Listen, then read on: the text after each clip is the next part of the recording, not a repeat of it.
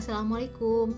Ini adalah podcast perdana aku dan di edisi perdana ini aku mau sharing hal yang berkaitan dengan bisnis yang aku tekuni yaitu bisnis Oriflame.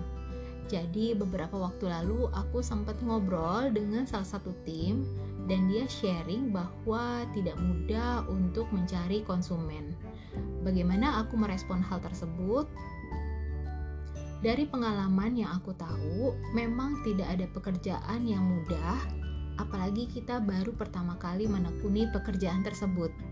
Bayangkan seseorang yang berprofesi sebagai dokter tidak langsung menjadi ahli, bahkan membutuhkan waktu belajar yang bukan satu hari atau dua hari. Yang aku tahu butuh menempuh jalur pendidikan dulu minimal banget enam setengah tahun. Setelah itu ujian, baru dinyatakan lulus dan sah menyandang sebagai profesi dokter tersebut. Nah, begitupun dengan bisnis Oriflame. Yang namanya baru menekuni, pasti ada hal baru yang harus kita pelajari dan kita praktekkan secara terus-menerus supaya kita menjadi bisa. Memang tidak mudah, tapi kalau benar-benar ditekuni, hasilnya benar-benar layak kok. Udah banyak ya bukti yang berhasil di bisnis ini. Artinya, kita juga punya kesempatan yang sama seperti mereka yang sudah berhasil.